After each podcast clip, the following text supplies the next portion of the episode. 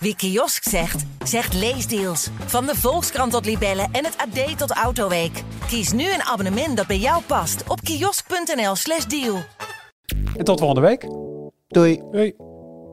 Ik wil het nog aanvullen. En in de reacties kun je ook, eh, kun je ook beterschap weer zeggen tegen Jeroen. Die echt snip verkouden was tijdens deze opname. Ik moet er anderhalf uur niezen.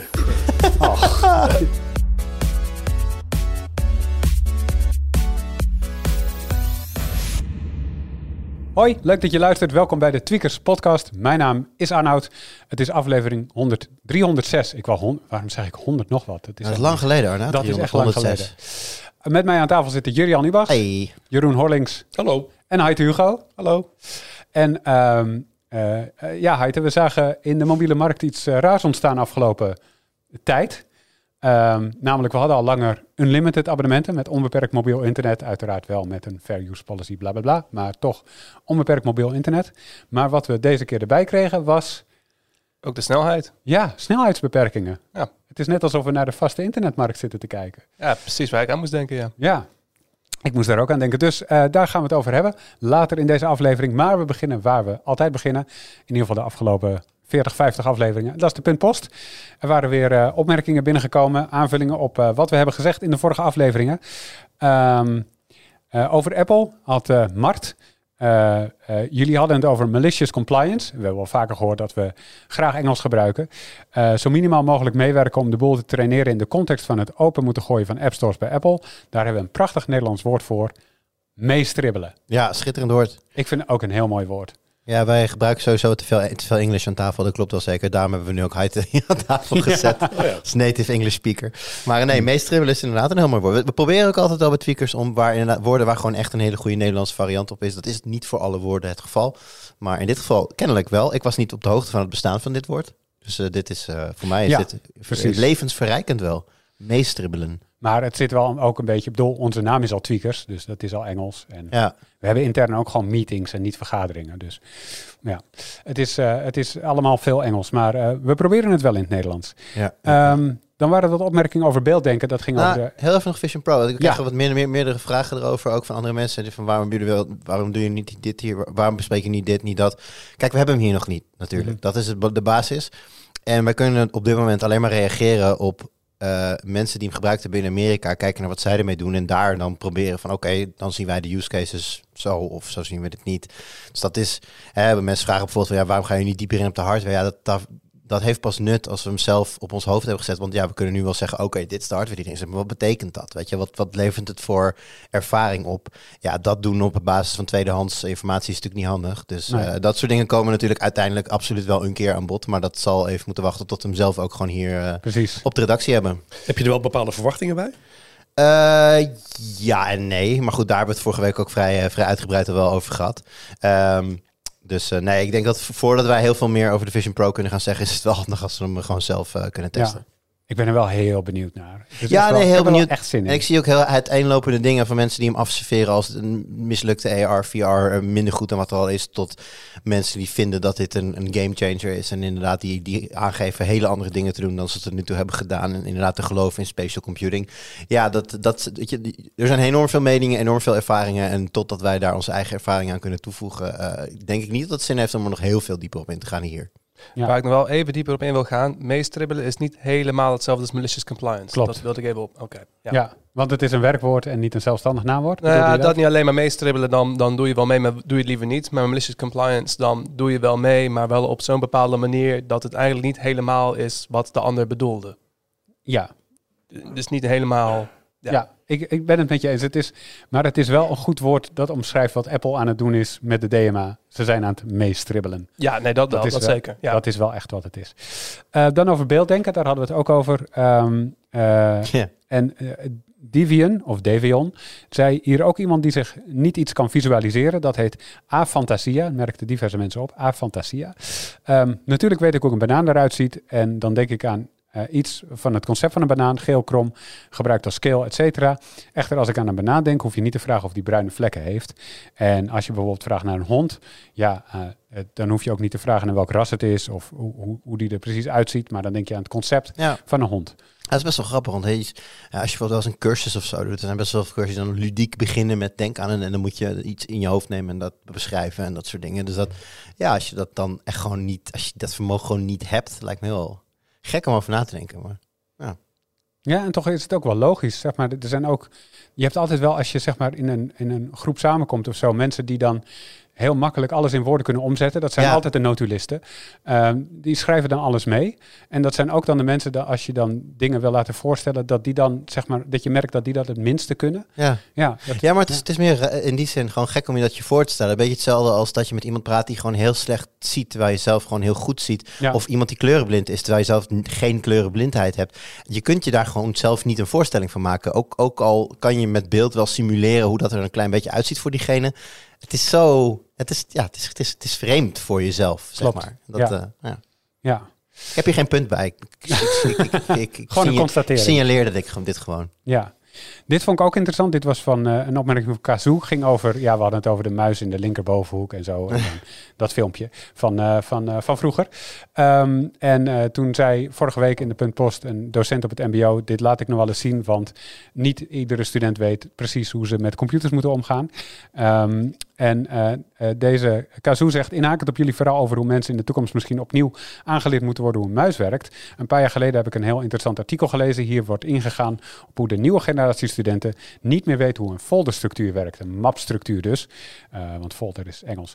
En hoe desktops hun bestanden indelen. Het gevolg hiervan is de professoren en docenten deze nieuwe generatie studenten dus moeten uitleggen hoe je bijvoorbeeld in CAD programma's projecten inlaat. En dat klinkt dus heel logisch. Want hoe vaak zie jij nog Heite, zie jij nog vaak een bestandenstructuur, een, een, een, mapstructuur eh, van een computer? Eh, eh, als ik die bij mezelf zie, dan is niet per se sprake van structuur. Maar dan zijn er gewoon heel veel verschillende mappen. Het is net als wanneer ik een belangrijk document krijg, zoals een, een, een diploma of zo. denk ik, oh ja, dat moet ik veilig bewaren. En dan maak ik een nieuw plekje aan om het veilig te kunnen bewaren. Ja. Maar omdat ik dat iedere keer doe, heb ik heel veel verschillende plekjes om veilige dingen te bewaren. Ja. Dat staat in mijn mappenstructuur. Ik heb heel veel verschillende plekken waar ik dingen bewaar. En bij iedere keer denk ik, oh, ik moet een nieuw plekje hebben. Ja, Dus ik heb een mappenstructuur, maar hij is niet heel gestructureerd. ja. Maar ik, als je alleen op telefoons en tablets werkt, dan zie je die volgens mij echt totaal helemaal niet. Dan zijn het gewoon afbeeldingen of muziek of video's, weet je wel, dat soort dingen. Ja, nee, klopt helemaal. Ook als je nu met Office eh, iets opslaat, dan zie je het ook niet altijd meer waar je dat dan precies opslaat, maar dan wordt het gewoon ergens op je OneDrive neergepland. Ja, dat is Ja. toch- toch ook wel een generatieverschil, denk ik. Want ik op, als ik bijvoorbeeld op een, eh, op een laptop of desktop werk en ik sla iets op, ik sla bijna altijd eh, op Save As, omdat ik dan inderdaad te zien krijg waar die staat. En in mijn wereld maakt het uit. In de werkelijkheid is dat dus inderdaad niet zo. In de werkelijkheid kun je, kun je heel makkelijk leven zonder te weten waar je files staan. Maar ik ben inderdaad gewoon ja, eh, opgegroeid in een tijd waarbij je gewoon vaak wel moest weten waar bepaalde files te vinden waren. Omdat je die ja, nodig had voor welke programma's dan ook. En programma's sowieso niet goed waren in zelf dingen zoeken als. En, en nu zijn ze daar veel beter in. Dus ja, dat, eh, maar nee, ik ben nog steeds, tot de dag van vandaag, weet ik wel ongeveer waar alles staat en hoe het allemaal in elkaar zit. Ja. Ja, ik, naar aanleiding van deze opmerking deed ik ook weer eens, dat doe ik niet heel vaak, Windows toets D, dan ga je naar je desktop. En toen zag ik dus inderdaad dat ik honderden en honderden bestanden op mijn desktop had Kom staan. jij niet op, vaak op je desktop? Ik kom niet vaak op mijn desktop. Wauw, ik ja. altijd als, Ik mijn, ook. als mijn laptop aanstaat. Ik alt-tab alles, de hele ja, tijd. maar dan, ik, nee, ik ga meestal, ik, ik, doe, ik doe juist desktop openen en dan openen wat ik nodig heb, zeg maar, van onderin. Gek, Heel onnodige tussen- tussenstap, dat begrijp ik. Maar ik doe het wel. ja. Ja, En toch werkt Google Drive bijvoorbeeld ook met het mapje. Zit. Tenminste, ik wel. Maar misschien is dat mijn eh, tik van vroeger, dat ik eh, vanuit de verkenner dat gewend ben. Maar ja. Ja, dat is een goed voorbeeld. Want normaal gesproken, als eh, Arnoud zet meestal dan de, de voorbereidingsfile voor de podcast klaar. En vaak, omdat Arnoud vaker dingen met mij deelt, staat hij bij recente delers of zo. En dan zie ik, oh ja, er staat een nieuwe. En dan kan ik hem uit een snel minuutje halen. Maar als dat niet zo is, moet ik inderdaad handmatig naar de plek waar de submap voor podcast staat. Waar de submap voor de afleveringen staat. En daar dan de file aanklikken. Ja, dat is voor mij niet. Het, ik, het, is, het is hooguit dat ik denk van ah, gedoe. En dan drie keer klikken en dan ben ik er alsnog. Maar het is inderdaad wel, ja, als, je, als dat niet meer basiskennis is van hoe die structuur in elkaar zit, dan wordt het wel lastig. Ja, specifiek Google Drive vind ik soms wel wat lastig, omdat je niet één startplek hebt, lijkt het wel. Maar Ja. hier worden dingen gedeeld en Ja, dat heb je zelf gemaakt en dat heb je weer van een andere platform dat weer ergens gedeeld van werd van een andere groep bedoel ik. Ja. Ja. precies. Het is een soort van, de file die je zoekt is op een soort rare locatie, maar je kan er op verschillende manieren. Je kan zelf kiezen Ja. of je de autoweg, fietspad of het voetpad neemt. Ja, ik gebruik altijd de zoekfunctie en dan kom je er uiteindelijk wel. Maar eh, ja. Ja. Dat kan ook. Dat kan ook. Ehm, dan nog eh eh, No113, die eh, eh, zich irriteert aan iets, namelijk het verkeerd gebruik van het woord letterlijk. Ik kan me dat letterlijk heel goed voorstellen. Ja, ik kan me ook goed voorstellen. Ehm, voornamelijk door Jur, zegt Ja, specifiek, ja, maar ook door anderen. Dit is wel Nou waar. het stomme hiervan is, ik vind het dus ook irritant als mensen dit verkeerd doen. En ik ben zelf een van die mensen, dus ik heb een hele goede man met mezelf. Maar eh, nee, ja, hij heeft, eh, heeft gelijk. Ik weet ook van mezelf dat ik dat af en toe eh, eh, verkeerd doe. Ik zei net hier in de voorbereiding, ik vind, ik vind het gewoon letterlijk een lekker woord. En toen dacht ik af aan, nou, nee, want ik vind het figuurlijk een lekker woord. Want anders had ik het moeten opeten en dan had ik het lekker kunnen vinden of zo. Dus nee, ja, dit, hier kun je volgens mij ook eh, een hele leuke filosofische discussie over maken van wanneer je nou precies iets letterlijk mag noemen en wanneer niet. Ja, Ja, maar, Maar, je eh, gebruikt het woord letterlijk, gebruik je figuurlijk. ironisch ik gebruik genoeg. het woord letterlijk, ironisch genoeg, te vaak niet letterlijk. Nou ja, volgens mij gebruikt hij irriteert aan iets. Volgens mij is het Ja. niet Nee, is irriteert je. ook niet ja, wederkerend, Je ergert nee. je aan iets. Ja, je of hebt gelijk. Iets irriteert je. Ja, dat Ja. klopt ook nog. Ja, dat zijn van die, van die instinkers waarvan, als je er even over nadenkt, je wel- je wel weet hoe het moet, maar toch doe je het af en toe gewoon fout. Ja. Als ik aan het appen ben met mensen, vind ik ook heel ik- Dan, ik, ik vind met een T. Serieus, dat, dat komt af en toe mijn Ja. duim uit. Ja. En dat ben ik daar niet trots op. En als, ik dat, als het op een medium is waar ik het kan corrigeren, dan doe ik dat ook standaard. Maar dat is gewoon een soort van verkeerd aangeleerde muscle memory of zo op mijn telefoon. Ik weet niet wat dat daar precies aan de hand is, maar ja, dit- hele rare DT-fouten. Schrijf je Misschien dan ook hij- eh, ja? interactie live in, hier kunnen zitten, dat we in kunnen grijpen als ze iets verkeerd zeggen. Misschien eh, zoals ze bij ons artikelen ook al doen. Wat een ontzettend slecht idee. Een soort van live censuur krijg je dan. Ja. eh, krijg je dat zo in beeld of zo. Dan moet je jezelf gaan corrigeren. Hè, bleh. Nee, ik denk niet dat het gaat werken. Wat wilde jij nog vragen of eh, ben je dat nu weer vergeten? Ja, daar ben ik nu nu weer kwijt. Oh, sorry. Oh ja, nee, dit Dacht was het. De- eh, eh, vind je dan ook hij wilt? Is dat ook iets wat je dan typt? Nee, dat typ ik niet. En dat vind ik ook echt heel slecht. Hmm. Ik vind mensen die. Er zijn mensen die dat gewoon dus consequent doen. De, de, de T waar die dan niet thuis hoort. En eh, ik, ik denk, nee, daar gaan mijn nekharen dan weer wel recht van op Ah staan. ja. Ja, nee. Hyde is dol op thee, dus die zal het wel doen. Wat blieft? Ja? Hij wilt. Heel- Wilt hij? Ja. Ehm He wild. eh, bede, bede, ehm, even denken. Volgens mij zijn we dan door de post heen. Eh, en dan gaan we naar de wie heeft het laatst vraag. Oh, die heb je voorbereid? Ehm, ja, maar niet genoemd. Ja, dat mag. Wie heeft er voor het laatst een platte ronde schijf, een DVD, CD of CD-ROM gebruikt? Ik zit even te denken, wat gebruikt me? Wat ik heb nou... Nee, die heb ik niet aangezet toen. ja, ik moet dan denken aan mijn... Ik heb jaren geleden inmiddels mijn computer samengesteld. En toen Mhm. dacht ik, ik doe er een DVD-drive in, maar die heb ik vast wel gewoon nodig. Maar inmiddels heb ik die waarschijnlijk misschien tien keer gebruikt in de tien jaar dat ik dat ding inmiddels heb. dus eh, nee. Maar wanneer dan? Voor het laatst? Oh, nou, ja, eh, dat was eh, anderhalve week geleden. Ik moest Scrabble installeren op de eh, computer van mijn oma in Engeland. Maar dat bleek een Scrabble-versie te zijn die eh, niet overweg kon met 64-bits besturingssystemen. Dus het werkte niet. Maar ik heb, dat was wel anderhalve week geleden of zo, geloof ik. Wanneer was ik daar? Zoiets. Ik zit me echt te bedenken wanneer ik voor het laatst een schrijfje in een van mijn consoles heb gedouwd, maar echt, ik heb geen idee. Ik weet ook letterlijk niet welke, welke games daar nu in zitten. Want ik, alles is download tegenwoordig. Ja, dus eh, nee, ik, ik, ik moet je dit antwoord schuldig. Kijk, ik heb wel mijn solder opgeruimd. Toen heb ik een Discman gevonden met, met zeg maar het eh bewaar eh, albumpje van al mijn, al mijn cd's erin. Superleuk om doorheen te bladeren, maar ik heb Ja. er daar toen geen van uitgehaald en ergens in ingedaan om het af te spelen. Nee. Dus dat kwalificeert denk ik niet als gebruik. Dus nee, ik, eh, ik, eh, ik denk eh, ik, niet binnen het laatste jaar, denk ik. Hmm. Jij, Jeroen? Ik een week of drie geleden, dus eh hard te wind volgens nog. Oh, wauw. Ja, ik heb natuurlijk iets met zeg maar oude retro computers en daar kom je af en toe ook wat software bij tegen. Dus ik kom een stapeltje eh, cd's, voor mij waren dit zowel muziek-cd's als data-cd's tegen. Ik dacht, laat ik even kijken wat daar eh, wat erop staat. Dus dat was eh, bij, met een bijpassende oude 84 geloof ik. Dus eh, Oh, wauw. ja, een beetje out of the ordinary, ik geef het toe. Ik kom op minstens vijf jaar geleden en ik weet de laatste keer echt niet meer. Dus ja, Wauw. Heb jij geen Wii? Ik heb... dergelijks? ik denk dat dat dan de laatste keer zal zijn geweest. Ik heb een Wii gehad tot aan 2019. Ah ja, dat is lang geleden al. Ja. Dus dat is wel al vijf jaar geleden. En ik denk inderdaad ook dat dat dan de laatste keer is dat ik eh, fysieke platte schijfjes ergens in heb gedouwd en gebruikt. Ehm, en dat zal dan, weet ik veel, een, eh, ja, een Wii Sports zijn geweest of zo. ja. Zoiets. Ja, maar nee, voor de rest niet. Dus Heite, jij wint. Jij gaat als eerste. Dus hebben we dan gaan we gewoon het rondje af. rond Jeroen, ik en dan jij. Ja. Oké. Oké, ja. Waar wou je het over hebben als highlight? Over mijn oude auto. Vertel. Ik heb een eh, oude Jaguar, 20 jaar oud, niet zo heel oud, relatief gezien, maar goed. Eh, die heeft een, voor die tijd, een hele moderne, heel modern radiosysteem. Mhm. Eh, LP, LP-speler. Nee, wel cassettebandjes. wel Ook mooi. cassettebandjes. Oh, nee, ja. Eh, en het probleem was, eh, ik kon daar niet mijn eigen mu- muziek op afspelen, want ik heb geen muziek meer op eh cassettebandjes. Niet. Nee, nee, er zit wel een CD-speler in de kofferbak, maar om dan steeds weer in de kofferbak te gaan en daar verschillende CD's in te doen en überhaupt, hoe kom je nog aan CD's? Ja. Want alles gaat via Spotify tegenwoordig. Dus ik wilde daar al een tijdje iets voor hebben om alsnog naar mijn eigen muziek te kunnen luisteren. Ik had er een andere radio in kunnen doen, maar dat vind ik weer zonde, want dan ziet het interieur van je auto er weer minder mooi uit en dat is Ja. ook weer jammer.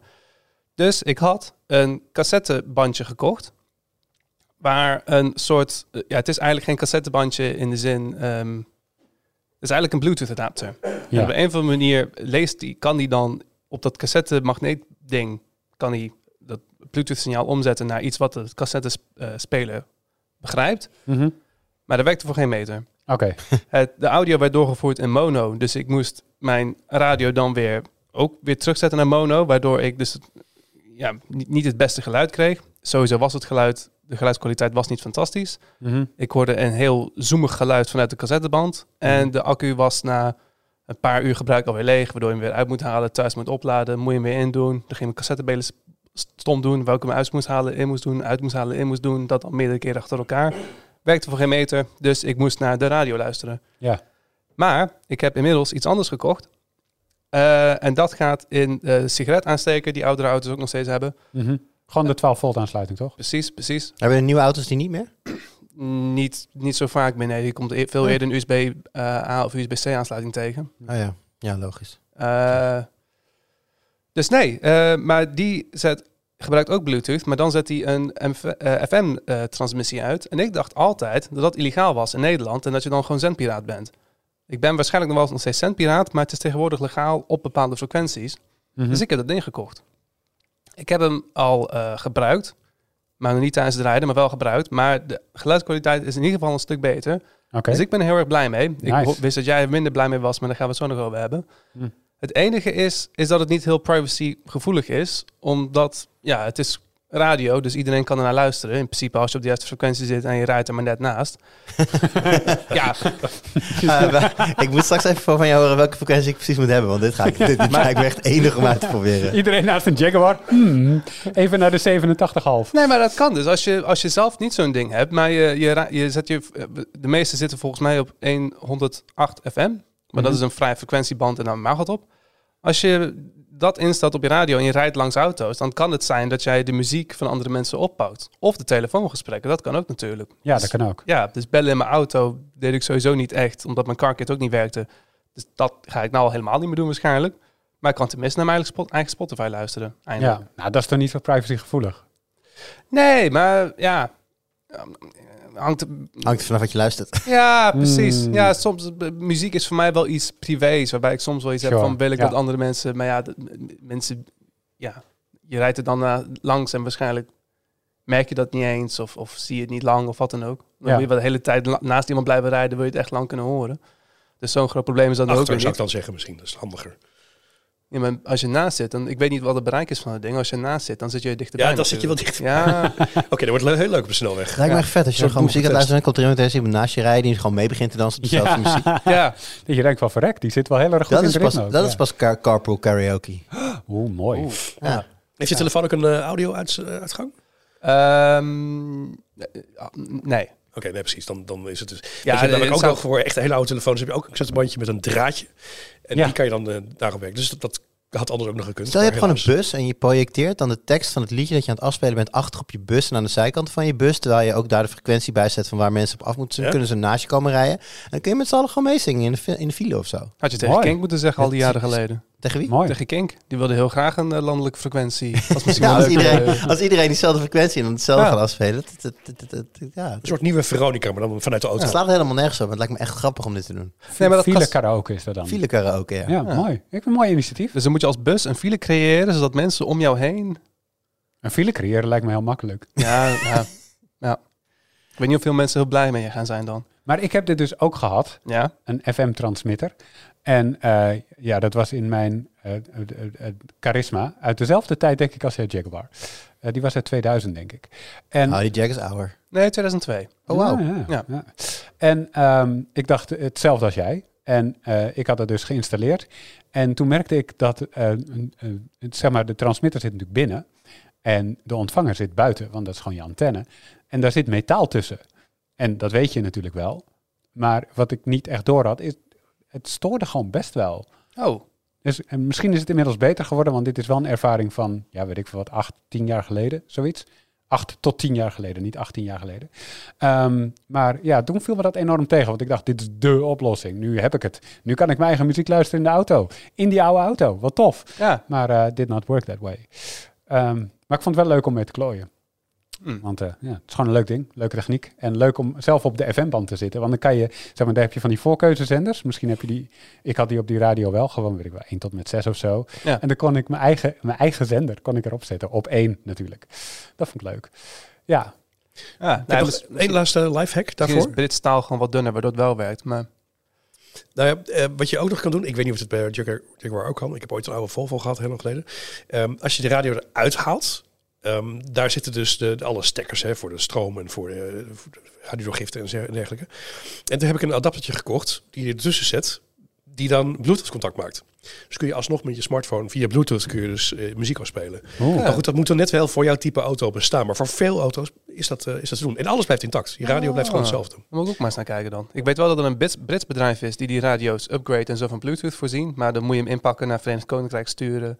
En sinds Brexit is dat ook wat moeilijker geworden. Dus ik Hm, dacht, ja, ja. laat maar zitten. Maar eh, ja. Ah. Nou, misschien als dit nou helemaal niet werkt, dat ik dat ook nog wel kan, kan overwegen. ja, dat is helemaal het modder van je auto. Dat is echt leuk. Ja. Ehm, Jeroen, ehm, wat heb jij voor highlight meegenomen? Nou, eh, dinsdagavond was er in de Eerste Kamer een debat over de salderingsregeling. Nou klinkt dat misschien heel saai, maar het gaat heel veel mensen ehm, aan. Dit klinkt voor niemand saai, denk ik hoor. Ja. Dit, klinkt, dit klinkt als dat het hoofdonderwerp had kunnen zijn van deze aflevering. Dat had misschien gekund. Behalve dat het, er is nog geen uitslag, er is nog geen, ehm, er is nog geen stemming geweest. Maar er is wel een debat geweest over een wet die dus al in de Tweede Kamer is eh, aangenomen. En Ja. eigenlijk is er al sinds 2020, 2021 overeenstemming van die salderingsregeling die we nu hebben. Die bestaat al sinds 2004. En eh, die ja, loopt eigenlijk ten einde. Die is gewoon met de huidige eh, staat van het elektriciteit net niet meer houdbaar. En alles is niet, ja, alles is niet eh, eh, oneindig, in dit geval ook. Ehm, Alleen er zat, natuurlijk- er zat natuurlijk heel veel discussie over eh, hoe en wat. Dus het voorstel van 2021 was al om dat in 2023 ieder jaar af te passeren met een bepaald percentage. Dat is een paar keer uitgesteld. Dit voorstel, deze wet, gaat uit van 2025. Ja, En dan dropt hij in één keer naar, in plaats van 100% salderen, dus dat je 100% kunt wegstrepen de stroom die je teruglevert ten opzichte van je wat je verbruikt, ehm, wordt dat 63% voor mij uit mijn hoofd. Ja, want het komt erop neer dat als ik een eh, opbrengst heb van 2000 kilowattuur of zo was geloof ik, maar mijn gebruik is 5000 kilowattuur, dan, kan, dan betaal ik uit, uit- eigenlijk alleen die 3000 kilowattuur, toch? Zo, ja, eh, precies. ja. Dus het is, een, het is een heel aantrekkelijke ehm, eh, investering voor, zo- in zonnepanelen. eh, om dus gewoon simpelweg kosten te besparen. Je kunt enorm besparen op je energierekening als je Ja. zonnepanelen. Het is een motivator die eigenlijk gezien de staat van het net op dit moment overbodig is. Nou ja, dat kun je zeggen. Want toen in 2004, toen hij inderdaad eh, ingeschakeld, even toen dit eh, geactiveerd werd, toen waren zonnepanelen bijzonder duur. Ook Ja. veel minder. eh, minder lagere prestatie dan wat we nu hebben natuurlijk. Toen was er, ja, de, de markt moest echt worden opengebroken. Ja. En dat is ondertussen gebeurd, zou je kunnen zeggen. Hè? Ik bedoel, Ja. we zijn overspoeld met Chinese zonnepanelen, maar ook heel veel, heel veel andere partijen. Ik heb zelf Zuid-Koreaanse. Ehm, maar de, de prijzen zijn op dit moment zo laag dat de terugverdientijd is soms drie, drieënhalf jaar. En ja. Ja. dat is wel heel erg kort. Hè, er zijn maar weinig investeringen in je huis die na zo'n korte tijd geld opleveren. Ik zou dat direct doen. Nou, dat was een paar jaar geleden nog zeven jaar. Ook dat is nog vrij acceptabel, want dan weet je Ja. dat, dat haal je ervan uit. Je huis wordt meer waard. Probleem is natuurlijk dat waar we nu in de tijd waar we nu in leven met eh netcongestie, is dat steeds vaker een probleem. Want wat niet iedereen weet is niet alleen wat je uit het net haalt qua stroomverbruik is leidt tot netcongestie, maar ook wat je levert aan het net. Ja. En we hebben dus nu een hele gekke situatie dat je in de zomer, eh, dat er overcapaciteit is. Eh, dat je hè, vooral tussen, nou, laten we zeggen 12 en 2, enorm veel stroom opwekt. Maar die gebruik je zelf niet.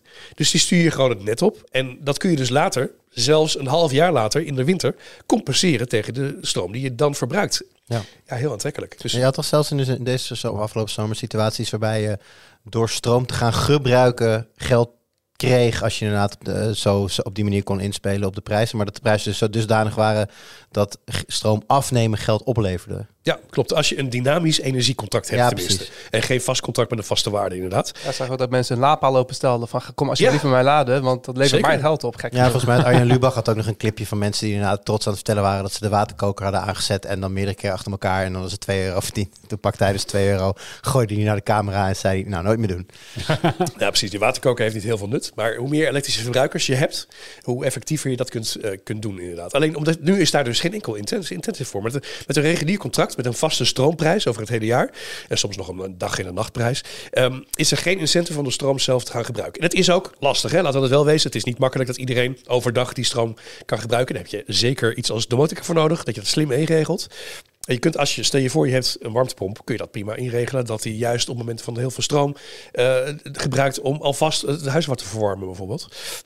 Dat geldt natuurlijk ook voor heel veel andere zaken, zoals je elektrische auto inderdaad. Er waren vorig jaar 300 negatieve uren inderdaad. Dus 300 uren in het hele jaar eh, waarbij je dus geld toekreeg voor het verbruiken van energie. En dat klinkt dus heel gek hè, stroomverbruiken, maar dat is echt om het net te helpen. Want er is gewoon te veel stroom, dat moet ergens heen. Maar wat doen ze anders met stroom? Noem- Misschien een domme vraag, maar wat, wat gebeurt er anders met stroom als...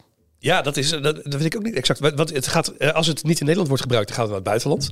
Alleen ja, als het dus. Het is vooral op dagen dat het natuurlijk heel zonnig is. Ja. Maar ook in combinatie met heel veel wind. Dus als er een storm is, op die dagen eh, eh, heb je eigenlijk per definitie al eh, enorme overcapaciteit. Gas- en kolencentrales staan dan uit, dat is hartstikke goed. Als we het in Nederland niet gebruiken, dan gaat het naar het buitenland. Maar het buitenland, dus eh, Scandinavië bijvoorbeeld en Duitsland, hebben natuurlijk hetzelfde probleem. Dus dan eh, ja, gaat dat als het ware verloren. En dat is, Uiteindelijk gaan er gewoon hele parken uit. Ja, ja, Dus precies. de, de- de hele wijken die Ja. dan ineens gewoon hun, hun, hun opbrengst gewoon niet meer kwijt kunnen. Windmolens worden uitgezet en, en de, dat is ook nog een probleem. De zonnepanelen inderdaad, de omvormer daarvan, die schakelt uit als, het, vol- als de spanning boven 253 volt komt. Ja. En dat komt dus steeds vaker voor in bepaalde wijken. Zeker in wijken waar eh, eh, ja, het, het net nog niet zo stabiel is. Dus wat oudere wijken. Ja. En dat is een toenemend probleem. Dus we zitten met het probleem. We weten ook zeker dat het aantal elektrische gebruikers gaat toenemen. We hebben allerlei doelstellingen die we moeten halen. Duurzame energie. Dus het botst een beetje. We willen enerzijds meer duurzame energie. Dat moet ook. Hè. Er moeten nog steeds meer zonnepanelen bij. Maar anderzijds moet het wel een logische manier zijn. eh, waarbij je ja, ieder liter stroom verbruikt wanneer er veel capaciteit is. En minder stroom verbruikt wanneer er weinig capaciteit is. Dus hadden we maar iets waarmee je dat thuis kan opslaan om het op een later moment te gebruiken. Inderdaad. En dat, die thuisaccu is, dat is dus ook het probleem. Zolang de solderingsregeling bestaat, is een thuisaccu eigenlijk niet interessant. nee. Tenzij je weer gaat handelen met een dynamisch stroomcontact en, eh, eh, en, en dat soort zaken. Ja, maar dan ben je meer stroomhandelaar. Dan ben je weer stroomhandelaar. Ja. Dus dat is ook niet echt. Hè, Er zijn natuurlijk oplossingen voor om dat met een AI of iets dergelijks te Nee, laten doen. klopt, maar zeker. je hoeft dat natuurlijk Maar, niet ja. zelf te gaan zitten doen. de onbalanshandel krijg je dan inderdaad. Ja. Dus je helpt wel ook weer het net. Maar idealiter wil je gewoon je eigen zonnestroom eh, opslaan voor gebruik in de avond wanneer het donker is. Ja. Ja. Eh, maar dat is dus heel ingewikkeld. En zolang die solderingsregeling bestaat, is het gewoon. Maar is, ja. het, is het dan trouwens ook zo dat op het moment dat de salderingsregeling wel wordt afgebouwd, en nogmaals, daar moet dus eerst, daar moet dus de Eerste Kamer nog over gaan stemmen. Dat was een beetje de insteek van jouw highlight. Ehm, op het moment dat het doorkomt en we komen in die fase dat het afgebouwd gaat worden, eh, maakt dat dan een thuisaccu ook meteen eh, levensvatbaar? Nou, niet meteen, maar wel na een paar jaar. Omdat dus dat ieder jaar met een paar percentage. Ja, dus er komt een omslagpunt op een Ja. gegeven moment waarbij dan eh, dat zo verdedigd wordt dat de terugverdientijd eh, ja, relatief eh, acceptabel wordt. Precies, want je kunt dus vaak niet overdag zelf alle stroom gebruiken. Tenzij je alles heel slim geregeld hebt in je huis. Ehm, dus in dat geval kun je, dat, eh, kun je die thuisaccu daarvoor gebruiken, inderdaad. Ja, Ja. En, en, er is nog een, eh, een belangrijke reden waarom dit eh, ja, waarom er iets moet gebeuren. We zien natuurlijk dat steeds meer elektriciteitsbedrijven heffingen gaan opleggen. Dus Ja. tegenwoordig krijg je als je zonnepanelen hebt soms andere tarieven dan iemand die geen zonnepanelen heeft. Wat natuurlijk een hele gekke situatie is. En dan zitten we weer met een heel ingewikkeld iets dat we nog een elektriciteitswet uit 1998 hebben die nog van kracht is. En een nieuwe energiewet die in 2025 moet komen, maar die is er dus nog niet. En daarin wordt iets geregeld over een eerlijke terugleververgoeding. en nu bepaalt eigenlijk iedere maatschappij dat gewoon helemaal zelf. Er is dus Ja. heel veel onduidelijkheid. En eh, die eh, energiemaatschappijen hebben gezegd, als die solderingsregeling echt wordt uitgefaseerd, Dan gaan wij daarmee stoppen en dan laten we alles weer, gaat alles weer eh, eh, nou, zoals het vroeger was. Gewoon iedereen hetzelfde tarief als het ware. Geen onderscheid meer tussen mensen Ja. met wel of niet zonnepanelen. Maar even terug naar de Eerste Kamer, want daar was iets geks aan de hand. Want er kwamen eh, maandagavond, dinsdagochtend allemaal berichten naar buiten. Zo van, de Eerste Kamer is in meerderheid tegen. Want de Tweede Kamer heeft ingestemd, maar dat is een jaar geleden. Sindsdien hadden we verkiezingen voor de Eerste Kamer en de Tweede Kamer.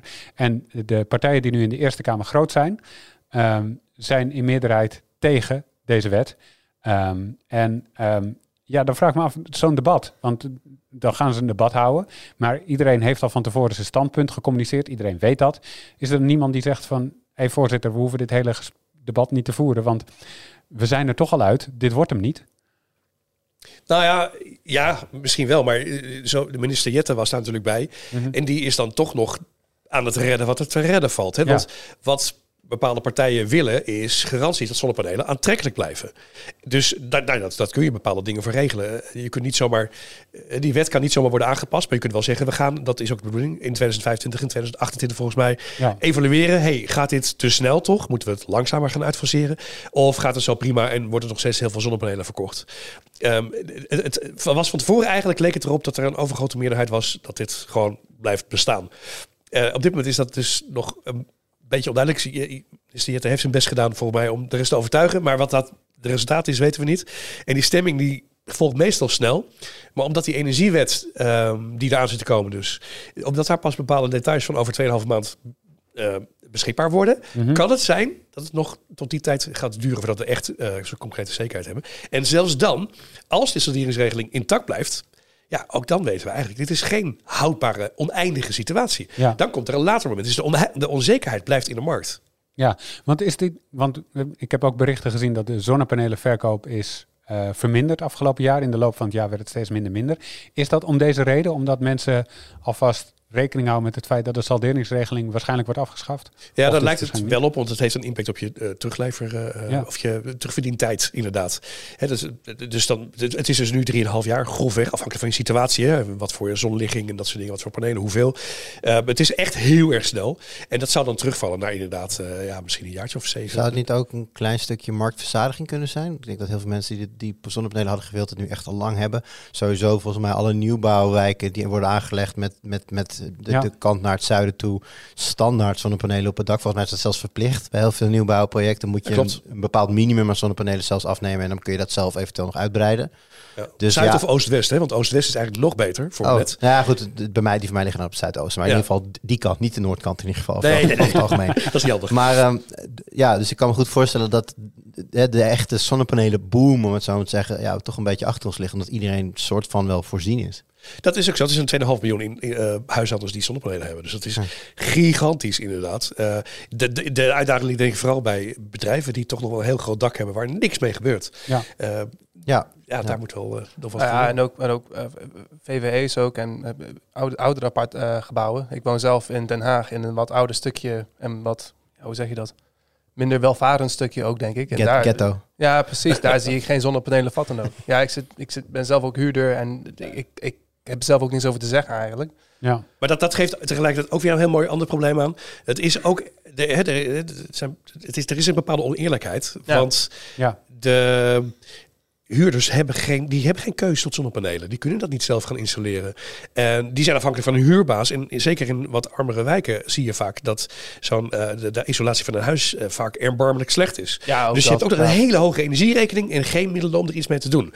Terwijl je wel meebetaalt aan dus de kosten voor het, voor het net. Zo'n klassiek voorbeeld van je hebt geld nodig om geld te kunnen verdienen. Ja, dat, eh, Ja, eigenlijk wel een beetje. Ja, maar het is ook ra- enigszins gek dat wij subsidie geven aan iets, terwijl we het niet ten vol volledig kunnen gebruiken, omdat het net niet meer aan kan, waardoor het, op een gegeven moment wordt uitgezet, als het ware, of tenminste deels wordt uitgezet. Kunnen we dat geld niet beter gebruiken om het net te verbeteren, zodat datgene wat we nu al opwekken volledig kunnen gebruiken? En als je dan toch subsidie geeft, wat ik me goed kan voorstellen, ehm, eh, omdat je wil verduurzamen, geef die subsidie dan op zo'n manier dat mensen die niet zomaar even duizenden euro's in de achterzak hebben zitten, eh, toch zonnepanelen kunnen nemen als ze dat zouden willen. Ja. Of proberen het op zo'n manier te krijgen inderdaad dat het op de huurmarkt in, eh, in armere wijken ook goed werkt. Ja, de huurmarkt is natuurlijk lastig. Want juist die huizen hebben over het algemeen heel veel baat bij verduurzaming. Maar ja, de mensen die erin zitten hebben zelf geen belang bij het verduurzamen van hun huis. Anders dan dat hun rekening gaan dalen. Maar ja, die zijn niet de eigenaar, zitten er misschien ook niet lang genoeg om dat er weer uit te gaan halen. Ja. Ja, Ja. voor de huurbaas zelf is het ook niet een, een- Die kan niet ineens zijn huur met, met 500 euro per, per maand gaan verhogen. Omdat hij het verduurzaamt of zo. Dus die haalt die kosten er ook niet uit. Dus dat is een, gewoon een hele lastige markt om dat te gaan doen. Maar inderdaad, je zou als overheid kunnen gaan kijken van... Goh, kunnen we niet inderdaad een ander potje verzinnen... waardoor we op, op- gewoon ja, weet ik, wat, de huurmarkt kunnen helpen Ja. te verduurzamen. Want anders blijven die voor altijd achterlopen. Daar wordt ook wel aan gewerkt hoor. Want dat is, het moet inderdaad hand in hand daarmee gaan. Want anders dan schiet het gewoon niet op. De, markt moet gewoon eerlijker. Dus waar aan gewerkt wordt, wat er nog niet door is, is inderdaad dat eh, die energielabels van huurhuizen gaan straks impact krijgen op je huurprijs. is de bedoeling. Ja. Dat is er voor mij nog niet door. Maar het is, het is de bedoeling dat je daar een koppeling tussen maakt. En dat is ook terecht. Want als je een energielabel F hebt, en er Heb heel veel. Heb je dat? Ja, zeker. Oeh, dat is. Nou, dan betaal je dus relatief veel energie inderdaad. Om je huis warm te stoken. Nou, het kan gewoon heel goed tegen kou. Dat kan ook helpen aangeraakt, Een soort eh, Eskimo. Maar het is, je, die koppeling zou terecht zijn. Want anders is er ook weinig incentive voor eh verhuurbedrijven, maar ook particulieren die woningen verhuren, om iets te doen aan de isolatie Ja. van een Ja. huis en zonnepanelen en dergelijke. En ook voor zonnepanelen volgens mij. Voor mij als je wel een huis hebt, maar niet het geld om te investeren, zijn er of komen er volgens mij regelingen dat je met 0% rente eh, Ja. wel kan Ik hoor isoleren. op de radio sowieso al voldoende reclames eh, op dat vlak van inderdaad aanbieders die zonder investering eh, panelen aanbieden. Of dat dan een, in- of dat dan een financieel aantrekkelijke deal is, weet ik niet hoor. Zo die ben ik er niet ingedoken. Maar je kunt sowieso wel panelen regelen, ook, ook zonder grote investering. Nou, dat klopt. Dat zijn bedrijven zelf die het al aanbieden. Dan betaal je wel op de lange termijn meer. Ja, dat Ja. zal Maar goed, als je geen geld natuurlijk. hebt, kan het alsnog, nog steeds. Je verdient het wel direct terug. Dus dat Nou maakt ja, het alsnog interessant. Je, je kan natuurlijk ook vanuit een bepaald ideo- je hebt gewoon een ideologisch beeld en kijken van ik wil graag iets doen om inderdaad op oké even los van het feit dat opwekken op dit moment niet eh, ja, zo heel erg nodig is, eh, maar hè, en lange termijn wel. Eh, je kan natuurlijk dan wel zeggen oké nou goed een- voor mij financieel is het dan niet super aantrekkelijk, maar ik kan wel dan mijn deel doen door in ieder geval panelen op het dak te hebben liggen. Ja, dat, dat kan wel. Precies, het aantal, de, duurzame elektriciteit die wij produceren, die moet gewoon omhoog hebben. Met doelstellingen van, Ja. Voor mij eh, rond 2030 moeten we op 83% zitten. En we zitten nu op 50. Dat is, al, dat is al best wel netjes overigens, hoe snel dat gegaan is. Dankzij de zonnepanelen onder andere en wind.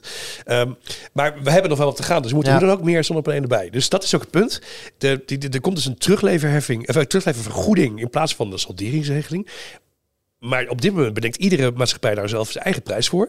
Mhm. En daar moet gewoon een vastgestelde eerlijke prijs voor worden dat het nog steeds interessant blijft om ze aan te schaffen of om je panelen uit te breiden naarmate de ele- elektrificatie meer toeneemt in de Ja. toekomst. Maar hoe gaat dit verder? Want nu komt de stemming dus pas over een paar maanden. En eh, ja, dan weten we of deze wet er doorheen komt. Maar eh, hoe denk je dat dit verder gaat?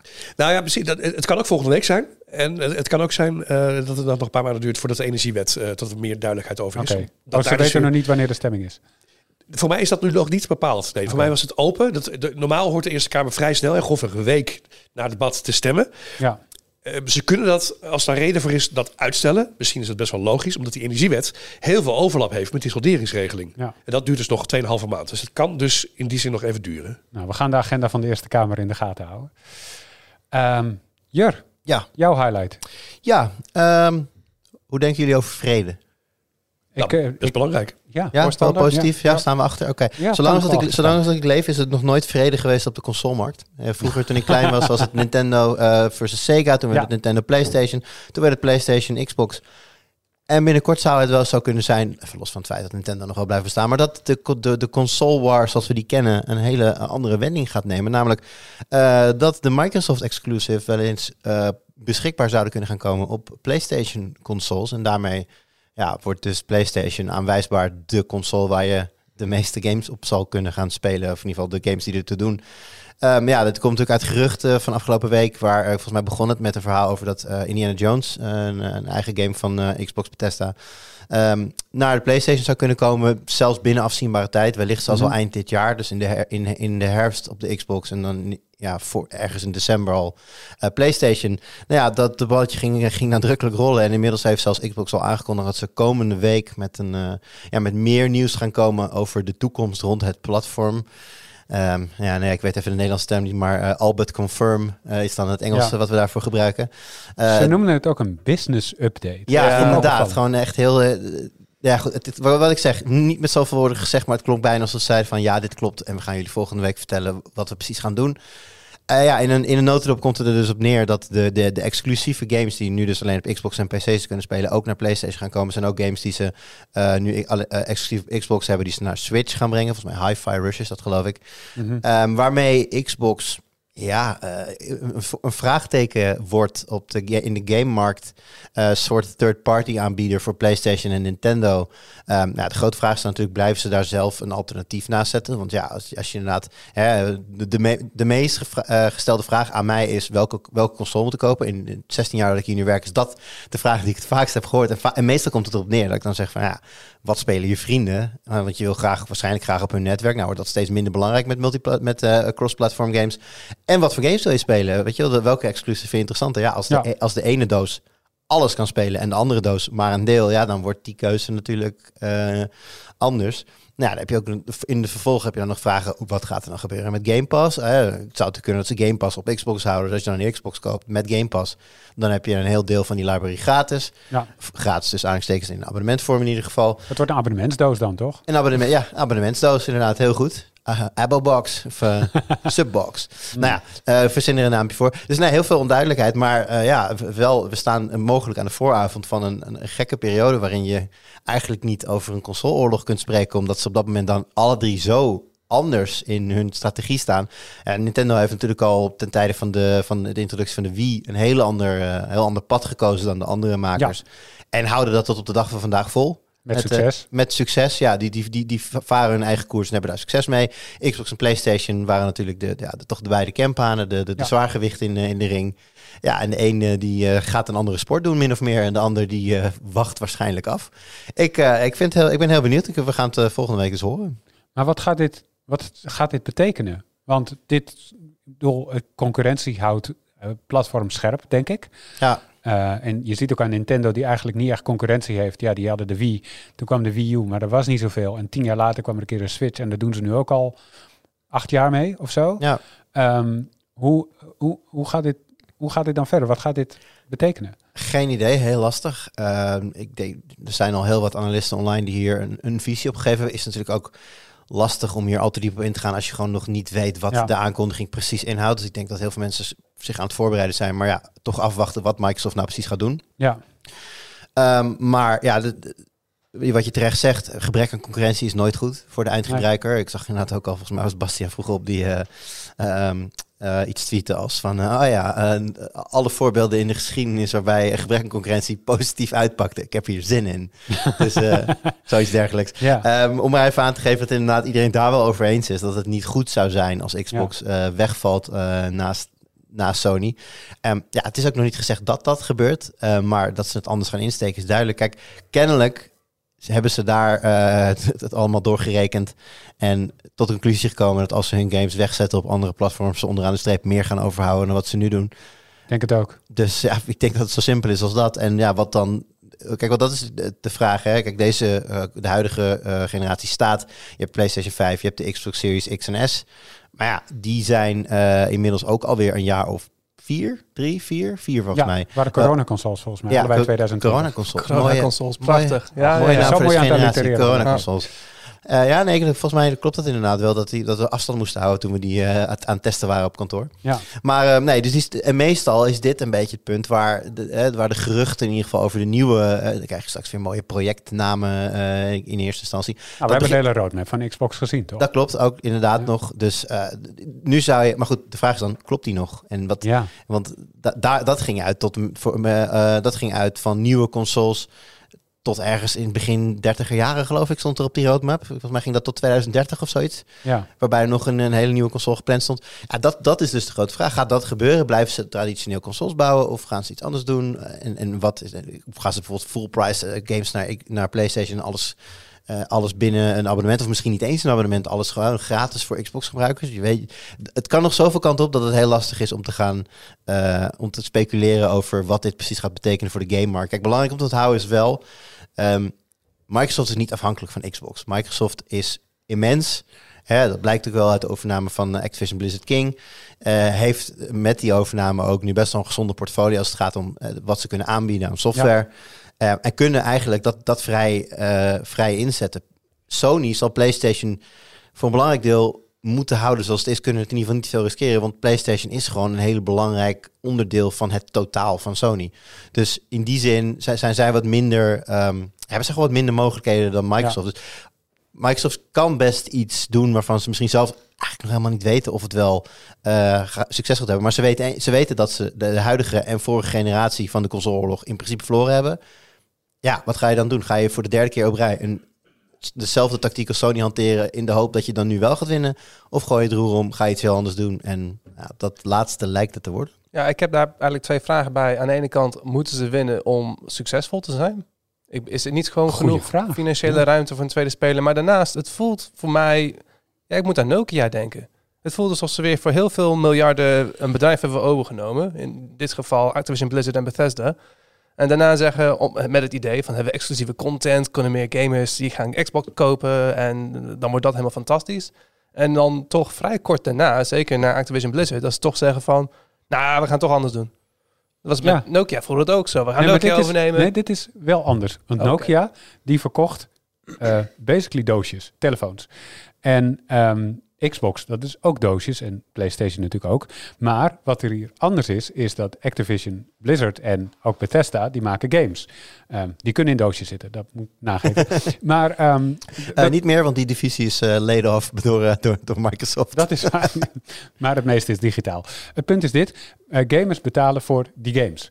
En ehm, ik denk dat Microsoft, als ik jou zo hoor, eh, daar brood in ziet. Zo van daar kunnen we ons geld verdienen. Ook als we die, juist als we die uitbrengen, ook op PlayStation, waar heel veel publiek zit, voor games die Ja. full price over de toonbank gaan. Ehm, en op Xbox, vanwege Game Pass, gebeurt dat denk ik minder en minder. Gewoon full price games. Dus die exclusieve games, daar heb je dan denk ik relatief minder aan. Eh, als je naar de toekomst kijkt. Ja, er gaan zelfs al geruchten ook dat Microsoft sowieso al niet meer van plan is om alle exclusives die ze zelf maken, day one op Game Pass te zetten. Hè, want dat, het- day one op Game Pass is een beetje de, de, de, de, tagline die elke nieuwe aankondiging meekrijgt die ze hebben. Dat is een beetje het, het ding. Je, als je Game Pass member bent, dan, zit je, dan hoor je de hele tijd day one Game Pass, day one. En dat wil je. Ja, dat is natuurlijk minder aantrekkelijk dan een nieuwe game uitbrengen. A, 70 euro dat het tegenwoordig kost. Ja, dat, dan heb je, dat, is, dat, dat levert ze veel meer op dan, dan een Game Pass abonnementje. Dus Ja. ook daarover nog los hiervan gaat het terug dat ze misschien inderdaad gaan afstappen van alle grote exclusive day one op Game. Ze zullen vast op Game Pass komen, maar niet meer day one, maar Mhm. bijvoorbeeld een paar maanden later. Dus ja, dat, dat, dat zij zijn aan het kijken zijn naar hoe ze eh, die software, de games, eh, beter kunnen ja, monetiseren, mon- monetizen, eraan kunnen verdienen. Ja. Eh, dat is duidelijk. Ja, precies. Maar als je de analogie met Nokia dus doortrekt, dan zou het zijn alsof ze Nokia kochten en toen zeiden: Oké, en nu zetten we alles in op kick-ass Android-telefoons van dit bedrijf. Eh, dat is niet wat ze deden. Eh, tot eh, tot spijt van vele tweakers, kan ik wel zeggen. Ook van jou, Heite, dat weet ik. Ja. Ehm, maar het werkte niet met Windows Phone en daardoor konden ze uiteindelijk na twee jaar die hele overname afschrijven. Maar waarom dat hier niet gebeurt, is omdat na de overname blijven ze games maken. En die games, dat is Ja. wat geld oplevert. Nee, dat klopt. Maar ze hebben wel, er was wel heel gedoe van, eh, oh die overname is slecht voor de game-industrie van, hè, van Ja. act- specifiek Activision Blizzard, want Call of Duty wordt dan Xbox exclusive. exclusive. Was heel veel focus op, heel veel media coverage, was heel negatief sentiment rondom Microsoft ook al een beetje, want het wordt weer zo'n nog groter bedrijf met nog meer exclusives. En dan toch zo kort daarna mogelijk, oh nee, we doen toch geen exclusives meer, we gaan toch alles ook op alle andere platforms uitbrengen. Nou, ja, kijk, ze hebben natuurlijk moeten beloven eh, om die deal mogelijk te maken. Dat ze inderdaad Call of Duty sowieso. Daar hebben ze van moeten garanderen dat hij nog minstens 10 jaar naar PlayStation pla- platforms wordt, wordt, wordt Ja. eh, eh, gebracht. En ja, het- is bijna te toevallig, maar een klein, er- ergens een stemmetje in mijn hoofd zegt dan toch van goh, zou dat een eye-opener zijn geweest voor ze? Zouden ze daardoor hebben doorgerekend van goh, wat gaat het dan eigenlijk voor ons doen als we het op die manier doen? Ja. En als ze toen hebben gekeken van wacht eens eventjes, dat is een goudmijn. En als wij gewoon, als wij gewoon loslaten dat we van Xbox de, de, de meest populaire doos willen maken, maar gewoon een, een Xbox-platform ernaast houden, inderdaad wat jij terecht zegt, dan niet meer per se de nummer 1 hoeft te zijn, maar gewoon ernaast bestaan. En dan al die games kunnen uit, uit, eh, uitrollen naar die gigantische install-base aan PlayStations die al bestaat en die er van de PlayStation 6 vast ook wel weer gaat komen. God, dan houden we onderaan de streep eigenlijk meer geld over. En meer geld, dat vinden we leuk. Zouden, het kan bijna niet. Je kan, het kan bijna niet dat, dat een gigantisch bedrijf van Microsoft op die manier. Maar het, het, het, het, zit zo achter elkaar nu dat ik denk Ja. van, goh, En misschien, het? ik stel me dan zo gewoon voor de, dat ze weet veel, een of andere heidensessie hadden en dat er toen een of andere product manager de hand opstak en wat nou als we stoppen met exclusives? En ik, dan zie nu, iedereen ik zie nu, dat, pla- ah, ik zie nu ja. dat plaatje vormen van die, van, die, van die guy die dan uiteindelijk het raam uitgegooid wordt. Weet je wel? Ja, maar, precies. Dat hij zich zo voelde, maar dan ja, toch wat nou als we achteraf... stoppen met oh, ja. exclusives? Ja. Ja, nou ja, goed. ik- ik- Het is, het is, de, de, de- de- want het heeft het een heeft natuurlijk met het ander te maken. Er is natuurlijk heel veel gesproken over, over eh monopoliepositie en exclusiviteit Ja. en dat soort dingen. Ja, het zou me echt niet verbazen. Als, of, of misschien inderdaad dat Sony en Microsoft gewoon buiten de rest nog verder met elkaar zijn gaan praten van... joh, hè, eh, dit moeten we doen. Maar als we dit nu toch moeten doen, is er dan niet de mogelijkheid om deze samenwerking verder... Misschien krijgen ze wel aantrekkelijkere fees van, van PlayStation Ja, voor je. Kijk, dit soort dingen maar hoeven ze natuurlijk niet openbaar te maken. Maar ze zullen dit zeker niet doen als ze er zelf niet beter van zouden worden. Ja. Eh, dus eh, nou, ja, ik zou zeggen, laten we vooral afwachten op eh, volgende week. Hopelijk dat ze het volgende week maandag of dinsdag doen. Want dan kunnen we er volgende week in de podcast over verder praten. Anders zal het een weekje langer duren. Maar ik ben in ieder geval heel benieuwd. Een spannende, spannende week elk van de gamesmarkt. Ja, het zijn eh, vredesbesprekingen in de oorlogs, in de, in de console war. eh, eh, ja, in de console war. En we gaan het afwachten. Yes. Eh, waar ik het eh, over wilde hebben was ehm, een paar dingen die, die bij elkaar kwamen. Ik ben hier ook bezig met een achtergrondartikel over ehm, dit onderwerp in feite. Ehm, er zijn een paar fabrikanten van smartphones. Mhm. Eh, Google begon met de Pixel 8, maar daarna volgden we ook Samsung met de Galaxy S24. Die zeiden, weet je wat we doen? We geven zeven jaar ondersteuning met upgrades en updates. Dat was een paar jaar geleden nog totaal ondenkbaar. Ik ben dit nu in kaart aan het brengen. En een paar jaar geleden waren we gewoon al blij met Ja. twee upgrades en vier jaar updates. Ehm, dat was toen al zeg maar gewoon goed. Ehm, en nu zitten we dus op zeven jaar. En eh, OnePlus die heeft vijf jaar en vier upgrades. En ehm, de, een, een topman daarvan die zei eh, in een interview van ja zeven jaar heeft geen zin als je niet al die tijd de gebruikservaring vloeiend kan houden. Ehm, dat was zijn quote. Ehm, ehm, maar wat daarbij ook meespeelt, denk ik, maar dit moet ik nog uitzoeken. Ze hebben de schaal niet, denk ik, om het zeven jaar te doen op momenteel, of de prioriteiten niet. Maar ja, dit is gewoon wel een ding. En het, ja, het, het is een spannende ontwikkeling, vind ik, in de mobiele markt. Want er komt ook een Europese wet aan die waarschijnlijk ondersteuning voor een aantal jaar af gaat dwingen. En dat wordt dan vijf of zeven jaar, maar in elk geval wel eh, relatief hoog. Eh, en er kwam ook bij dat er kwam, kwamen cijfers naar buiten afgelopen weekend. Dat wij in Nederland eh, langer met een smartphone doen. Dus inmiddels 41% van de mensen heeft een smartphone die drie jaar of ouder is. Ehm, dus dit is wel echt, dit is niet Oh, alleen is- was de- theoretisch leuk. Was dat een statistiek? Want mijn, mijn telefoon is volgens mij ook officieel drie jaar oud. Maar ik heb, ik, doe, ik heb er nog niet drie jaar mee gedaan. Ik had het geïnterpreteerd als mensen drie jaar met een telefoon doen. Maar op het moment dat je zeg maar, met hand-me-downs werkt... dan hoef je natuurlijk niet zelf drie jaar met een telefoon te Precies. doen... om in de statistieken een drie jaar oude telefoon te hebben. Al weet ik niet, als je dit mensen vraagt of ze dan weten hoe oud een telefoon is. Ik bedoel, ik weet dat. Maar Ja, eh, want heel veel mensen die... Als ik, als ik een willekeurig vraag... hoe lang doe je een telefoon? Dus, ah, twee, drie jaar. Maar ja, de meeste, heel veel mensen... dan dan, ga je er een beetje, dan gaat je hoofd er een beetje vanuit dat diegene hem op day one gekocht heeft. Maar heel veel Ja. mensen kopen een smartphone die ergens in het jaar ervoor, of misschien wel langer geleden, Ja. uitgekomen is. Dus Klopt. statistisch gezien hebben ze dan een drie of vier jaar oude telefoon in hun zak zitten. ja. Ja. Ah, grappig. Ik had wel dit onder, ik had wel die statistiek gehoord van Nederlanders hebben over hebben best wel veel eh, drie, drie jaar of doen drie jaar met een telefoon, had ik gelezen. Ja, misschien Maar- is dat hem wel hoor. Want eh, het is makkelijker na te gaan, tenzij mensen hun telefoontype invullen. Maar veel mensen weten dat denk ik ook gewoon niet. Ja. Ehm, dus ik denk gewoon, ja, dat ze hebben gevraagd Ja. hoe lang je met een telefoon doet. Ik denk dat jij gelijk hebt. Oké. Ja. Maar eh, hoe lang doe je eigenlijk met een telefoon, Jur? Nou, ongeveer drie jaar. Leuk dat je het vraagt. Nee, nee ja, dat is bij mij natuurlijk recentelijk. eh, kijk, ik ben, ik ben altijd iemand geweest die zichzelf niet zo heel erg vertrouwt met een telefoon. Als in, geef me een jaar. Waarschijnlijk heb ik dan wel iets gesloopt. Mhm. Dus ik koos altijd wel voor betaalbare varianten. Want dan is mijn uitgangspunt ook één jaar. En ik heb dan nu... eh, in principe is, mijn, is de, de iPhone die ik nu heb daar ook onderdeel van. Eh, ik vergeet altijd of het, of het een 12 of een 13 mini is. Jij, dat, dat weet jij beter dan ik waarschijnlijk. Maar Ik dacht een 13. Oké, nou, een 13 mini. Oh, is nog niet eens heel oud. Ehm, ja, ik ga er eigenlijk wel een beetje vanuit dat ik hier twee jaar mee doe. om- Omdat iOS over het algemeen vrij lang stabiel blijft. Ik heb, misschien is dat inmiddels achterhaald, maar ik heb het idee dat Android-telefoons sneller langzaam worden dan iPhones. En dat is, was- dat is een, dat, dat heb ik nergens op gebaseerd. Ik heb dit niet getest, maar dat is gewoon mijn ervaring ermee. Eh, dus, dus Dit wil ik ook een keer echt testen. Ja, nou ja, dat, Dat dat, is echt leuk. iPhone-gebruikers roepen dit wel trouwens. iPhones Ja, ja. blij- blijven langer goed dan Android. Ja, maar hoe weten iPhone-gebruikers dat? omdat ze lid zijn van het evan- evangelie. En ze bidden elke dag richting San Francisco. Ehm, Nee, eh, dus, dus dat, maar goed, dus ik ga er nu vanuit. Ik, ik, dus laat ik nu aannemen, heel lang antwoord voor iets wat ik ook in, in een paar woorden had kunnen zeggen. Onge- ongeveer twee jaar. Dat is de hele podcast hier. We kunnen dit ook in drie minuten af, maar dat is helemaal niet leuk. Maar als je naar je ouders kijkt, is- het daar al niet. tenminste, Als ik naar mijn eh, ouders kijk, dan zie ik dat zij ook al eigenlijk eh, oudere telefoons gebruiken. Die Ja. telefoons zijn soms vijf, zes jaar. En als je daar een beetje goed mee omgaat, qua batterijgebruik en dergelijke, Ja, dan kan het ook best Die wel. switch je pas als er echt iets niet meer werkt. Ja, precies. En dan heb ik het niet eens over het feit dat je tegen zegt, joh, je hebt al twee jaar geen beveiligingsupdate meer gehad. Maar eh, mijn bank, mijn bank-app opent niet meer. Pas Ja. dan ja, precies. gaan ze, ja, gaan ja. ze over. Ja, inderdaad. En hoe lang doe jij ermee, Jeroen? Een jaartje of drie inderdaad. Ja, Ja. toch ook wel. En Heite, jij? Ja, dat is ook wel het ding eh, voor mij persoonlijk. Eh, mijn laatste telefoon was vier jaar oud. Maar Oeh. dat is wel, ik had hem wel vier jaar in gebruik. Ik heb, ik heb hem Netjes. opgeschreven, dus ik even net kijken. Dus hij was waarschijnlijk al vijf jaar oud op dat moment. Dat Ja. was een S9 Plus.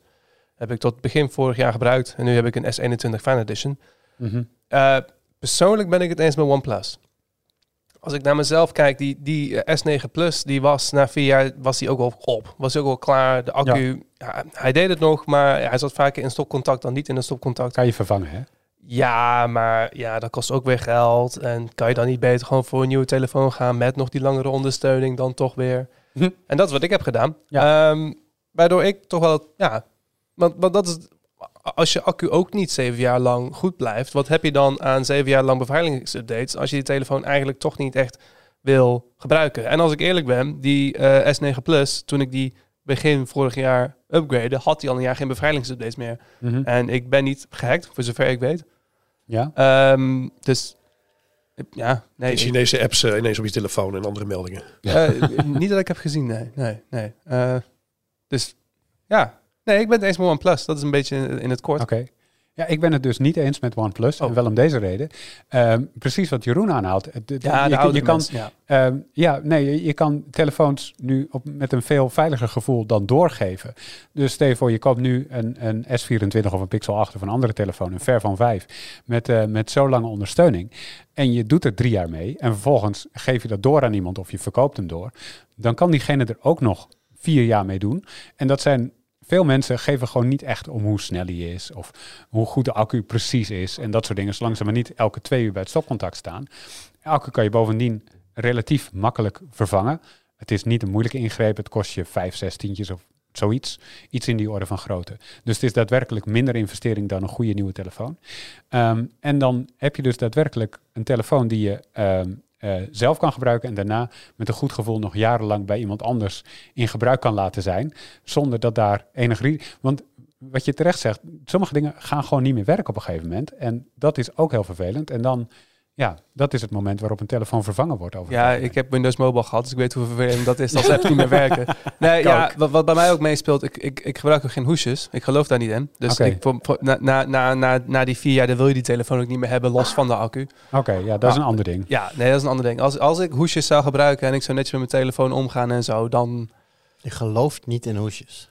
Nou ja, ik denk altijd, daar heeft iemand bij Samsung of waar dan ook, heeft heel lang gewerkt om, het- om, om een mooie telefoon te maken, om aan te denken aan het ontwerp van de telefoon. En het eerste wat ik doe, is ik gooi er, gooi er een hoesje omheen. Nou, kijk, mijn telefoon is zeker mooier zonder hoesje. Daar ben ik het helemaal mee eens. Maar ik kan me ook levendig alleen al in de laatste twee weken drie momenten eh, herinneren dat hij gevallen is van een niet eens altijd heel hoog, maar zonder hoesje had het problematisch geweest. Ik heb thuis, Ja. ik heb thuis plavuizen liggen, dus eh, Plavuizen? stenen. Oh, ja, nee, eh, nee, ik heb laminaat. Eh, ook hard. Dat, dat Ja, gaat ook niet nee, goed. dat is hard. Nee, ja, soms, niet goed gaan, soms valt mijn telefoon en, en, en dat gaat tot nu toe meestal goed. Ja. Ja, ik, nee, word je ook dikker van en dan zit je ook minder lekker in je hand, et cetera, et cetera. Dus Dat is wel waar. Ja, nee, sorry. Ja. Ja, Ja. Mag, mag ik misschien één pro-tipje geven over eh, langer met je accu, eh, of langer met je accu doen van je telefoon? Ik, ik weet niet eerlijk gezegd of dit voor alle smartphones geldt, maar bij de nieuwste generaties eh, zie je steeds vaker, ook bij laptops trouwens, dat je kunt instellen dat hij tot 80% ja. kan laden. Ja. En ook op een slimme manier. Dus niet in één keer baf vol, maar gewoon gradueel. Dat is iOS denk ik automatisch tegenwoordig. Ja. Nee, niet tot 80 procent. Hij gaat dat- langzaam laden tot een bepaald eh, tijdstip en pas Dat dan wel. gooit hij hem vol. En Ja. volgens mij capt hij hem op 80. Nou, dat kun je activeren zelf in de Ja. instellingen. Ah. En dan kun je, je kunt het ook niet activeren. Het is soms onhandig natuurlijk. Ik heb zelf een iets wat grotere telefoon. Die heeft ook een grote accu. Dus ik heb dat nu aangezet. Hij is dus wel sneller leeg, maar ik, ik red het nog steeds makkelijk een dag. Ehm, als je je accu tot 80% instelt, dat geldt eigenlijk voor alle apparaten die we gebruiken, laptops en elektrische auto's enzovoort, dan is de degradatie gewoon minder. Ja. Want het aantal cycli is iets, iets, iets, iets minder, maar ook ehm, het, het levert de batterij stress op. Ehm, als naarmate die tot 90% of 100% volgeladen wordt. En dan blijft er, heel technisch gezegd, een klein beetje lithium achter op de kathode in dit geval. En daardoor neemt de capaciteit heel erg langzaam af. Maar na vijf jaar is het gewoon vaak eh, dan voorbij als je het intensief, intensief gebruikt hebt. Ja. Dan zit je maar op 80% en pas, pas bijvoorbeeld na, na vijf jaar op, eh, op 100, omdat de capaciteit een beetje afgenomen is. Mhm. En dan kun je er nog jaren mee doen. Maar dan kan ik hem niet meer intensief gebruiken. Ja, eh, je- moet niet de hele tijd YouTube en...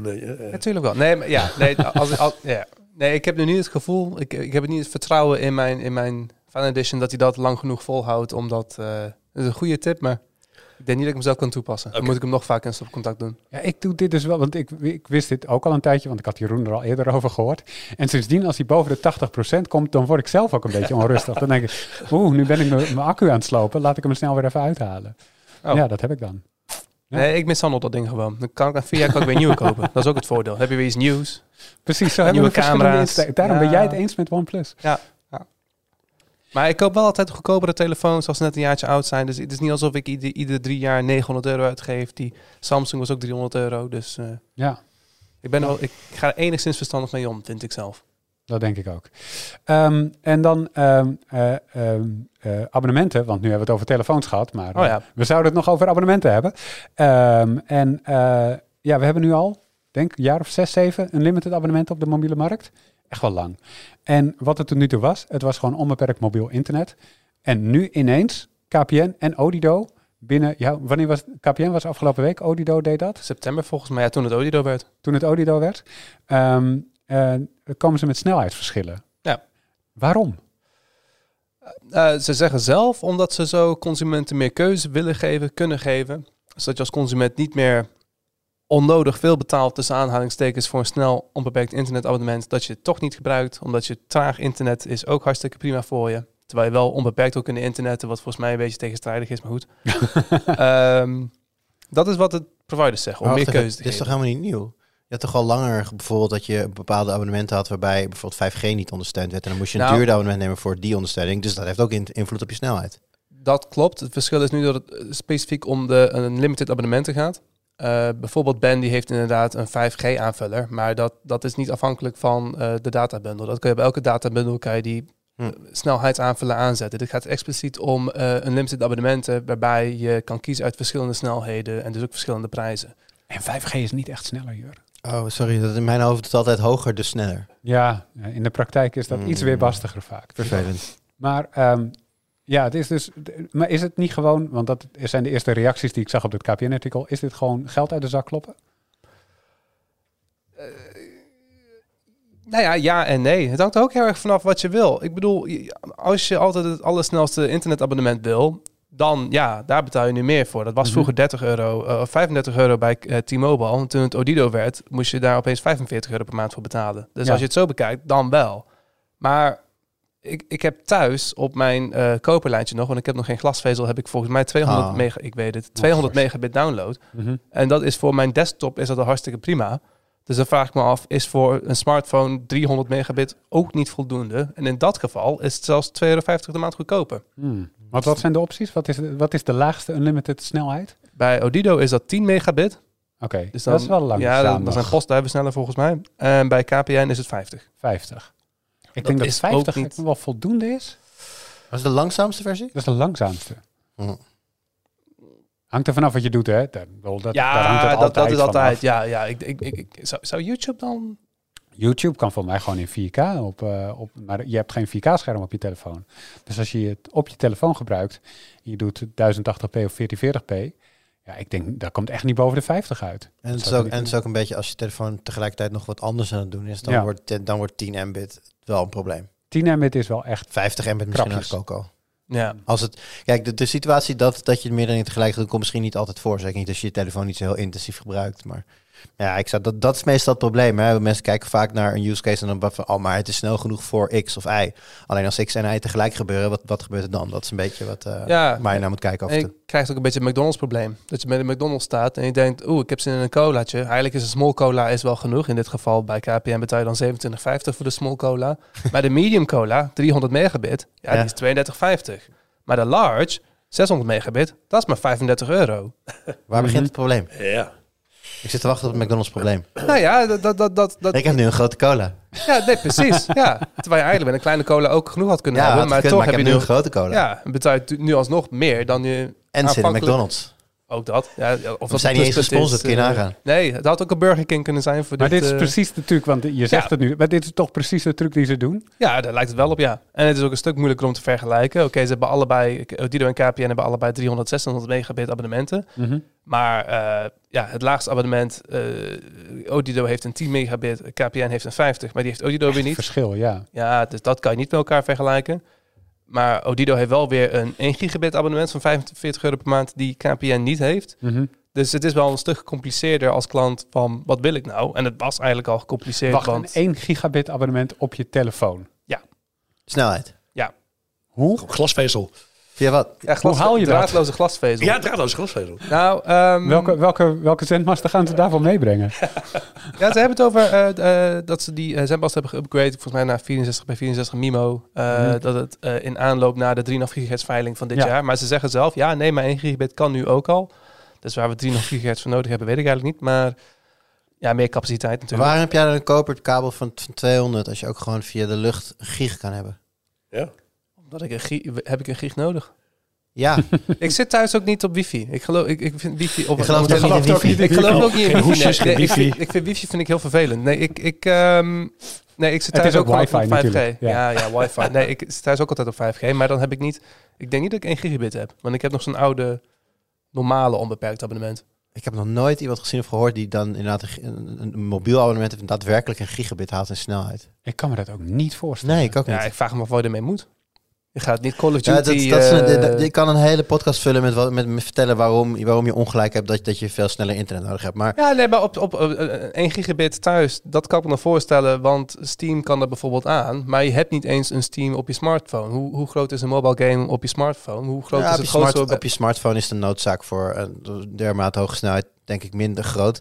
Maar dat zeg ik, ik heb ook nog nooit gezien dat je daadwerkelijk een dermate hoge snelheid kunt halen op je smartphone, los van, Precies. Precies, los van je thuis, thuis wifi netwerk. dan. Ik bedoel, ik, zie- ik zie het ook wel, want je synchroniseert natuurlijk, althans heel veel mensen synchroniseren hun foto's en video's. En vooral video's met 4K in 30 of Ja. 60 fps, die zijn gewoon honderden megabytes groot. Mhm. En die zoef je dan binnen een paar seconden de cloud in. Ja, dat is natuurlijk Oh. heerlijk. Ja, maar ik weet niet wat de upload is. Volgens Ja. mij is het niet symmetrisch. Hij is niet symmetrisch. Dat, dat- ik dacht, dat, dat weet ik niet uit mijn hoofd. Dat, ik, ik dacht dat de download... Ik dacht dat bij eh, KPN, dacht ik dat het niet symmetrisch was. Yeet. Dus sorry. Oké, nou dan eh, Linux distro's, die hengel ik dan binnen een paar seconden binnen. Op je smartphone. Op mijn smartphone. Ja, waarom, ja, niet? waarom niet? Ja, ja, het kan gewoon. Nou ja, als het, als het wel symmetrisch was, dan, want dan op zich, dan wordt mobiel werken is een hele andere. Als ik zo snel internet zou kunnen krijgen, unlimited, ja, dan kan ik dus letterlijk overal in Nederland waar ik een beetje normaal netwerk heb, kan ik dan dus goed werken. Ook, ook, ook grote beelden downloaden en uploaden. Ja, Ja. Je hebt nog steeds wel fair use policies, neem ik aan. Ja, je hebt nog steeds ook die dagbundels van eh, Dagbundels, ja. tientallen gigabytes per dag. Ja, Ehm, ja. dat is wel weinig. en ik vraag me ook af eh, of je hotspot van, of je, ja, je hotspot van je smartphone dat aan kan om 1 gigabit ook te uploaden naar je Nee. laptop. Nee, Nee, maar precies. Dus ik kunnen. denk dat je gewoon continu tegen bottlenecks gaat aanlopen. Dat oké, Ja. het netwerk is misschien niet meer een bottleneck, maar Ja, maar dan wel de dienst of de telefoon. Als met thuisnetwerk ook, daar hebben we het in de podcast ook wel eens over gehad. Van superleuk dat je nu bij heel veel aanbieders meer dan een gigabit kunt krijgen, maar heel veel, heel veel eh, hardware en zelfs de kabels in je netwerk kunnen dat zeer waarschijnlijk niet. Dus Nee, klopt helemaal. Maar eh, als, als klant, als jij straks in de KPN of Odido winkel staat en jij ziet daar een eh, Super Unlimited of een 600 Unlimited of een Premium Unlimited, oeh. ja, dan, oeh, waar moet ik nou voor gaan? Ja, Premium is wel beter dan Super natuurlijk. Dus dan, eh, ja, nee, dan ga ik misschien toch daarvoor, ja. Ja, Hmm. kom maar niet meer. Premium is beter dan super. Wie heeft dat bepaald? We hebben het toch over Dat Superman, niet, we hebben het toch over Superman, niet Premium Man. Premium man. Ja, Ja, Marketing. heb je nog nooit van gehoord, omdat hij zoveel beter Hij is. is Ja, dat is. DLC, denk ik. Ja, maar waarom gebeurt het juist nu, Heite? Eh, ik vermoed, eh, nou ja, deels omdat wat je zegt, de, de, de, eh, onbeperkte abonnementen waren heel lang heel gelijk, als het ware. Eh, dus ze hadden wel, denk ik wel iets nodig om zich meer te kunnen diversificeren ten opzichte van de concurrentie. En daarnaast, die snelheden zijn nu ook zoveel, die netwerken zijn zoveel sneller geworden dat ze nu ook die verschillende snelheden kunnen aanbieden, vermoed ik. Want voorheen, dan had je die hogere snelheden gewoon nodig om te kunnen eh, YouTube en om alles te kunnen doen wat je wilde. Maar nu, ja, hoe moet ik dat zeggen? Omdat de netwerken steeds sneller worden, maar je niet per se die hogere snelheid altijd nodig hebt, denk ik. Ja, Terwijl kunnen ze met meerdere verschillende abonnementen alsnog voldoen aan de behoeften van de klant. ja. Maar kunnen ze ook nog iets sneller aanbieden als je dat nodig hebt of denkt nodig te hebben. Ja. Ik denk ook dat het een capaciteitsding is. Oh, Want op het ja, moment dat de capaciteit, wat in het verleden vaak was, echt tot de nok toe gevuld is, dan wil je mensen zo snel mogelijk van die verbinding af hebben. Dus als jij 10 gig aan het downloaden bent op je telefoon, dan wil je als provider, denk ik, dat zo'n klant zo snel mogelijk weer ruimte vrijmaakt, zodat de volgende zijn data kan eh, ehm, eh, eh, verstoken. Nee, juist niet, toch? Jawel, ja. Want als je het langzaam maakt, dan wordt de lijn heel lang bezet. Dus dan, Ja, maar dan is capaciteit over voor de andere gebruikers, toch? nee. Als, als, als, ja, ik... Als het is of je het door tijd verdeelt of door Ja. aantal mensen. ja, precies. Daar Ja. hangt het vanaf. Ja. Maar nu, nu dat capaciteit niet echt een probleem er is, nu maakt het niet zoveel uit of de een harder rijdt of de ander zachter. Nee, het is een beetje als een, ja, het wordt altijd vergeleken met de snelweg. Maar als iedereen 100 rijdt, dan rijdt het door. Maar op het moment dat het rustig is, ja, dan maakt het niet uit als op de rechterbaan 80 wordt gereden, op de linkerbaan 130. Maar als het heel druk is, ja, dan krijg je daar files van. Ja. Ehm, dus ik denk dat dat het een beetje is. Maar ja, het is, ja, het is, het is een beetje gokken. Het is ook gewoon marktontwikkeling natuurlijk. Ja, precies. En ze zijn eh, providers tot nu toe. Ik, ik, ik wil nog in gesprek hierover gaan met KPN, maar bijvoorbeeld Odido toen zij het aankondigde, waren ze niet heel erg transparant over waarom ze het nu deden. En ik vroeg ze ook van, ja, zijn er echt mensen die dat, die dat 10 megabit abonnement gaan afnemen? Ja, dat denken wij van wel. Ja, ik, dat, dat, dat, je kan er nog steeds van alles mee doen en eh, dit en dit en dat. Maar inderdaad, de vraag die je nu stelt, dat, dat, Ja. het blijft ook een beetje gissen. Ja. Het blijft ook een beetje gissen, dat is ook zeker zo. Ehm, ik denk dan dat het tijd wordt om te kijken wat we komende week op de site hebben. Eh, want hier komt een verhaal over, je zei het al. ja, dat klopt. Eh, en daarvoor ga je nog KPN en Odido spreken. Mhm, dat is wel de bedoeling. Ja, Ja. en daar komt een uitgebreid achtergrondverhaal van. Eh, staat nu voor begin volgende week op de planning. Leuk, leuk.